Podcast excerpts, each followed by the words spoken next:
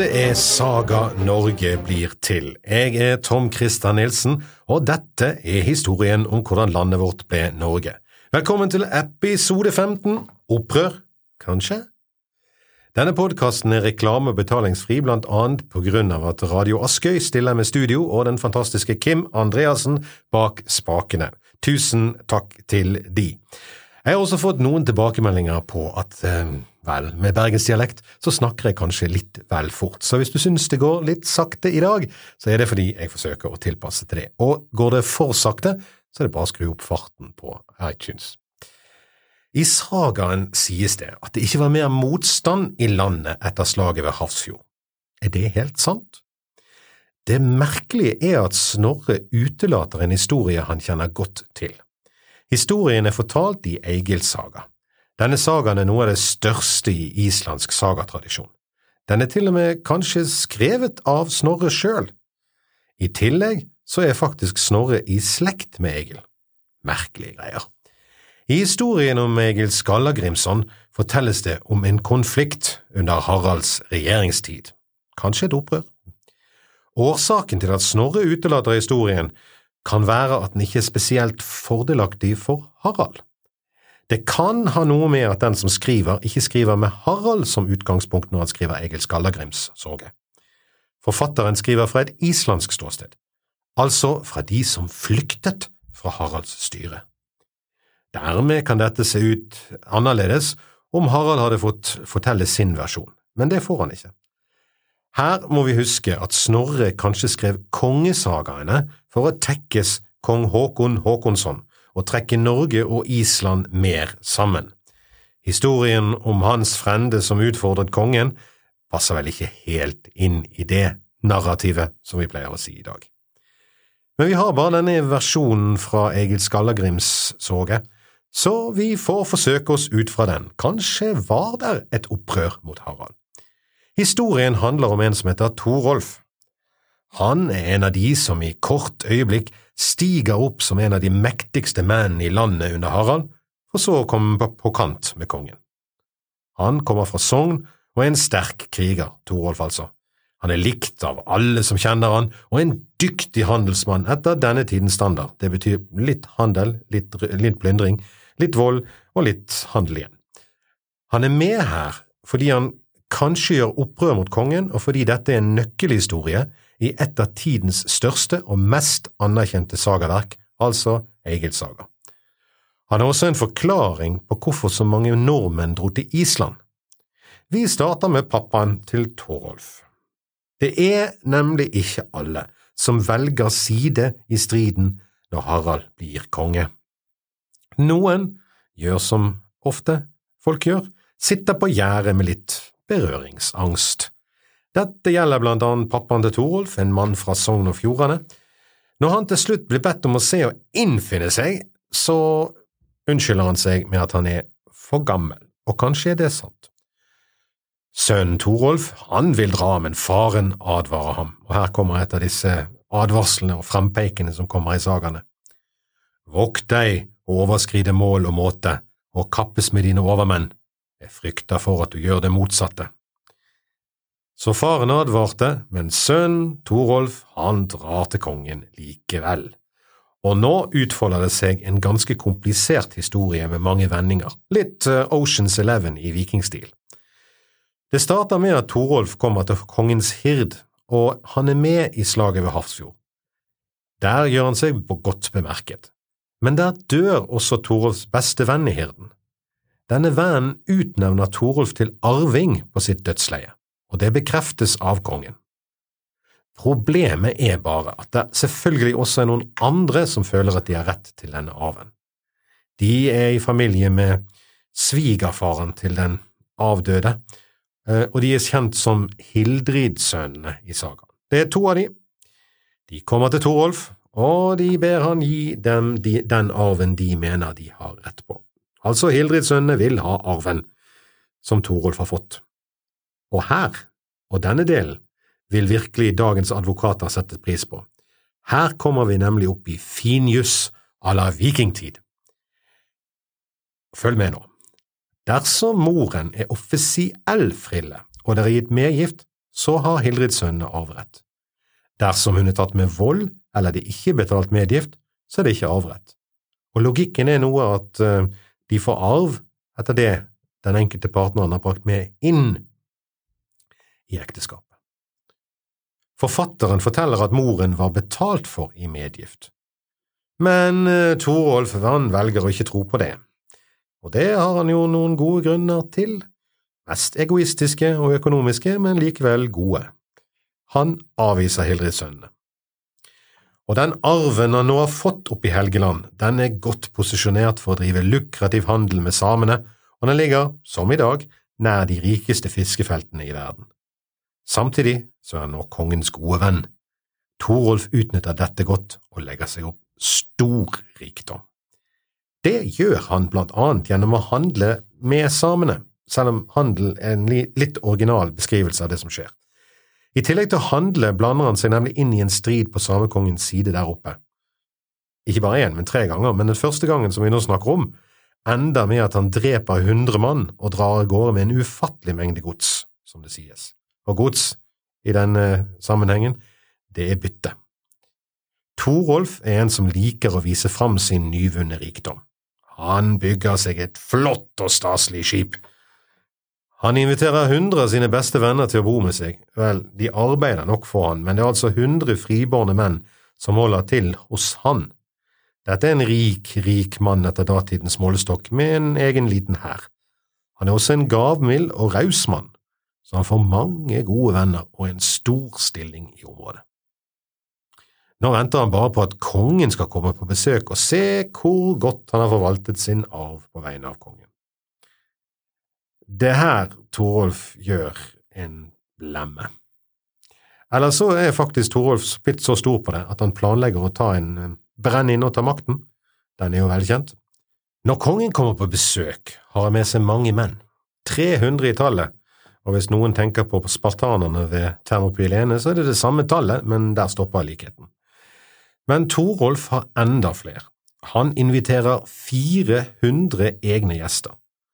Torolf innreder et stort kornkammer som gildehall for å få plass til alle 700 i samme hus. Det ligner litt på Åkes gilde i Värmland, om du husker, selv om han bygde to hus. Torolf tror enten at Harald vil bli imponert, eller så har han faktisk tenkt å ta makten fra han. I begge tilfeller gjør han en feilvurdering. Harald setter seg i høysetet, som han skal, som kongen skal, og blir rødere og rødere og rødere og rødere i toppen. Det er god, gammel misunnelse, kan det se ut som. Og alle ser at kongen ikke er fornøyd, han er rett og slett irritert. Når han skal dra, har Torolf enten mistet motet, eller så har han bare skjønt at han har tirret kongen, men han har et ess i ermet. Herre konge, kan du følge med med til stranden? Harald grynter misfornøyd, men følger med ned. Ja, hva vil du? Det er ikke unormalt at verten ber om en gunst eller en tjeneste eller en belønning på slutten av et slikt gilde. Men Torolf har nå skjønt at han må blidgjøre kongen, og kanskje var det planen hele veien. Vel ned ved skipet han har bygget, trekker Torolf esset ut av ermet. Herre konge, ser du dette flotte skipet? Mm. Nytt grunt fra kongen. Dette er min gave til deg. Jeg har hatt en god finnferd og har latt bygge dette skipet som din del i det. Han ser at kongen lyser opp og legger til. Jeg håper du ser på dette gildet med glede og etter dets hensikt. Det at jeg inviterte så mange, var bare til heder for kongen. Torolf skjønner nemlig at det at han har invitert flere enn kongen, ikke nødvendigvis en god ting. Men andre rundt han stemmer i dette, ja, ja, dette, dette var heder for kongen, det er heder for kongen, ja, ja, ja. Og nå var kongen i godt humør. Dette var jo omtrent som å få en Rolls-Royce i gave i dag, så nå ble kongen glad og munter, og de skilles vel forlikte. Men nå er det Hildridssønnenes tur å få kongen til gilde, altså de som mener de skulle hatt arven som Torolf har fått. Der hos de står det noe stussligere til, og det er få folk. Her var ingen grunn til misunnelse, og kongen var derfor munter. Men Hildrids sønnene, de hadde en baktanke med dette. Hele gildet blir det hvisket gift i kongens øre. Denne historien de forteller spiller på kongens paranoia og frykt, og er effektivt fordi den har en kjerne av sannhet i bunn. Den sannheten er at Harald har fart hardt fram. Bøndene er fratatt odelen, og skattene er hardere og mer systematisk innsamlet enn før. Harald kjenner på dette og frykter at det skal føre til opprør. Hildrids sønn og deres folk forteller han en historie der denne misnøyen bare trenger en leder, og Torolf er en sånn leder. De påstår at han egentlig samlet alle folkene ved Gilde for å angripe kongen. Men herre konge, da de så skipene deres stevne inn, mistet de motet og ville vente og brenne der inne isteden. Da dette heller ikke gikk, bestemte de seg for å vente. De hvisker rykter og halvsannheter til kongen i tre dager. Dette er farlige greier og kan bety både død og fordervelse for mange. Alt dette settes i gang fordi Hildredsønnene vil ha sin arv. Er det et opprør på gang, eller er det bare Hildridsønnene som forsøker å fucke opp under, for å bruke et moderne uttrykk? Jeg velger å tro det siste, men Harald, han velger å tro på Hildridsønnene. Så når Torolfs gode venn Torgils, ja, er ingen grunn til forvirring, Tor Torolf og Torgils Torgils er altså kompisen. Han har også vært med i slaget ved Hafrsfjord, og har kongens takknemlighet for det. Han kommer til Harald med finneskatten som Torolf skylder kongen, men kongen er mutt og viser ingen takknemlighet. Torgils lurer på hvorfor, og får etter hvert ut av kongens menn hvordan hans venn hadde blitt bakvasket av Hildridsønnene.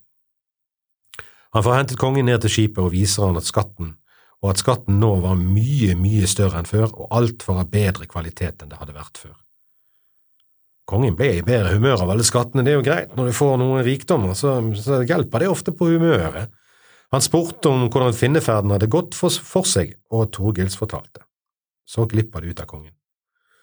Det er stor skade at Torolf ikke skal være meg tro, men tenker på å bli min banemann. Nei, nei, da, nei, nei, nei, da protesterte alle rundt han og sa at det var bare onde menneskers bakvaskelser, og at Torolf var uskyldig i anklagene. Det ville jeg helst også tro, sa kongen. Var det Harald som testet de? Torgils visste ikke, men han dro sporenstreks til Torolf og fortalte hva som hadde skjedd. Hadde Torolf vært smart eller politisk erfaren, hadde han nok dratt til kongen nå for å vise sin lojalitet, men han ble fristet til noe annet. Han drar på den mest spektakulære finneferden det århundret. Han har mange menn med seg, og nok en gang blir han alliert med noen der oppe. Den, denne gangen er det ikke samene, men kvenene som er under press, og de er under press fra kareler, det vil si folk fra Finland. Suomilainen. Igjen vinner han en krig på Finnmarksvidden, og nok en gang drar han av gårde med ufattelige skatter i form av skinn og andre kostbarheter. Mens Torolf samla skatter, holdt Hildridsønnene seg i nærheten av kongen og kom med nye bakvaskelser. Nå var de på at Torolf hadde beholdt den beste og største delen av finnefangsten sjøl. Dette var åpenbart feil, og finneskatten var større og bedre enn noen gang. Likevel falt disse løgnene i god jord hos Harald etter hvert, og når Torolf kom for å gi ham neste års finneskatt, den største og den beste noensinne, er kongen tydelig mistroisk. Han beskylder Torolf for å ha tatt sin for store del av skatten. Det er tydelig at kongen er mistenksom, men ikke helt sikker. Derfor kommer kongen med et forslag. Den gang du var hos oss, skikket du det vel. Derfor er det best at du kommer tilbake til min hird. Da vil ingen kunne bakvaske deg, for jeg vil se deg hele tiden. En kan formelig høre Hildridsønnene trekke pusten. Dette er egentlig et genialt trekk. Sier Torolf ja, må noen andre overta den store deler av Torolfs ansvar og muligheter men det vil også bekrefte at Hildridssønnen har fart med løgn. Sier han nei, vil kongen bli enda mer mistenksom, og Hildridssønnene kunne bære ved, mer, ved, mer ved til bålet. Med mennene sine stående rundt seg og de skattene han har skaffet kongen mellom dem, må Torolf ta et valg. Ære, stolthet, lojalitet vinner som alltid i denne tiden. Han kan ikke forlate sine menn, han ønsker nok heller ikke å gi opp sin rikdom. Dermed taper Torolf det han vant ved vennens arvegave. Kongen tar den rett og slett fra ham, han mister den. Dette er et eksempel på at bøndene ikke lenger har odel. Nå tar kongen dette fra Torolf og gir det til Hildridsønnene. De får det de hele tiden har ønsket, farsarven som ble fratatt de.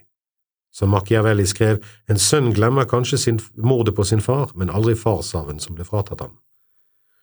Torolf dro hjem til sin egen gård like i nærheten, men tok med seg alt det løsøren kunne frakte. Kort og godt, han tok med alt av verdi og satt fortsatt godt i det. Når Hildridsønnen skal gjøre handel med finnene og samle finneskatt, går det heller dårlig. Samene har likt Torolf godt, han har kjempet med dem, de er våpenbrødre. Så når Hildridsønnene drar opp med for få mann, blir det dårlig utbytte. Torolf derimot drar opp igjen med hundre mann og kriger sammen med samene igjen og samler på ny stor rikdom. Når Hildridsønnen kommer til kong Harald, så ser han jo at det er et mye fattigere bytte enn da Torolf styrte handelen. Men med frekkhetens nådegave skylder, Hild Hildridsønnene på Torolf igjen. Det er hans skyld at de ikke får hentet skinn og kostbarheter. Han har handlet før de, og det er ingenting igjen til de. Det er helt utrolig at Harald tror på dette. Han kan jo med egne øyne se at Hildridssønnene ikke har klart dette. Likevel klarer han ikke å se at han sjøl har gjort feil. Så når han blir fortalt at Torolf har sendt et skip med hele sitt bytte til England for å handle klær og andre luksusvarer, litt sånn London-tur til jul som vi alle har gjort, så tror han på Hildridssønnene, som sier at dette skipets innhold egentlig er kongens eiendom. Det er det på ingen måte, men likevel sender han sine folk for å speide etter skipet. Og med litt flaks, eller rettere sagt ganske mye flaks, finner de faktisk skipet. Det er rein og skjær uflaks for Torolf. Skipet blir konfiskert, og dermed tror kongen på Hildridssønnene når han ser skatten om bord. Og husk at dette er den samme kongen som sendte Hauk Håbrok helt til Novgorod for å kjøpe en kappe, så han liker fine klær. Når Torolfs far får høre at dette har skjedd, så mener han at nå var han sannspådd om denne ulykken, og Torolv måtte komme seg ut av landet før det var for seint. Torolf tok han på en måte på ordet, solgte og pantsatte det han hadde, og utrustet et skip. Når våren kom, dro han i Viking i østerled, utenfor kongens rekkevidde. Men han opplever det samme som vel Eirik Blodøks gjør senere, det er ikke så mye bytte der i øst. Fristelsen blir for stor, eller kanskje så var det planen hele veien, for det han gjør nå er at han herjer seg videre opp langs det som er Norge. Han herjer mot kongens menn fra Gjøta elv og videre, og røver kongens skip i Viken og fortsetter videre opp vestlandskysten. Dette er noe Harald har satt strengt forbud mot, og som han har håndhevet strengt. Vi må ta en liten avstikker. Der er nemlig en som har gjort dette før, om enn i mye mer beskjeden grad, og det er en Rolf, sønnen til Ragnvald Møre Jarl. Han kommer også fra Viking i Østerlede og har dårlig bytte. Da gjør han strandhogg i Viken og røver der. Harald reagerer kontant selv om dette er sønnen til en av hans beste venner og viktigste allierte. Han landsforviser han. Til tross for morens fortvilte bønner blir denne store vikingen og lederen forvist. Skal vi tro sagaen, var det et hell i uhell. Rolf, kjent som Gange-Rolf, ble den Rollo som fikk Normandie av franskekongen. Hans etterkommer, hertug Wilhelm, erobret og invaderte England i 1066, som sagaen sier, og alle seinere engelske konger stammer fra han. Sånn kan det gå. Men digresjon til side og tilbake til Torolf. Fra å være kongens mann er han nå en ufredsmann, og kongen har ikke lenger noen tvil eller noe valg. Torolf skjønner det, og nå drar han sporenstreks hjem med byttet sitt, og han begynner straks å gjøre klar skip for å flykte fra landet med familien. Men Harald er allerede på vei.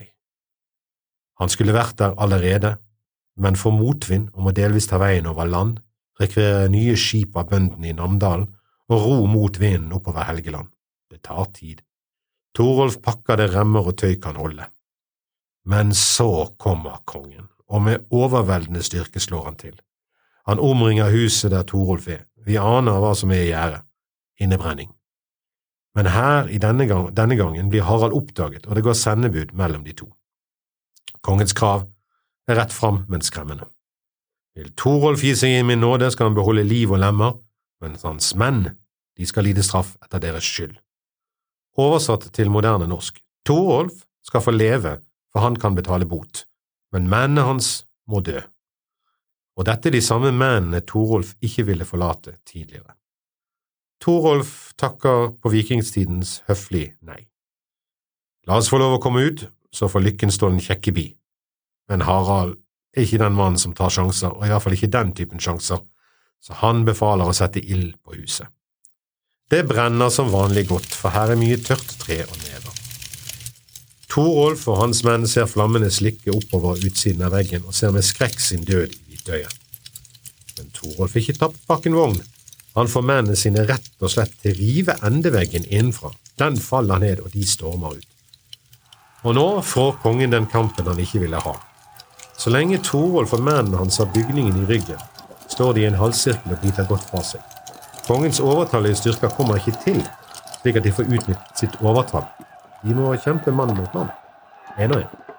Men etter hvert sprer flammene seg også til denne delen av bygget, og Torolfs menn må trekke seg unna og fremover. Torolf griper initiativet og springer fremover mot kongens skjoldborg. Og han kommer veldig nærmt. Han kommer faretruende nærmt. Han gjennomborer Haralds merkesmann med sverdet sitt, altså den som står og holder selve banneret. Og ravnebanneret faller for første gang. Men det er også slutten for Torolf og for oppdør. Én meter fra kongen segner Torolf om av piler og spyd. Hans siste ord blir tre fot kommer for kort. Kongen sjøl gir han barnesår. Og da var det også nok.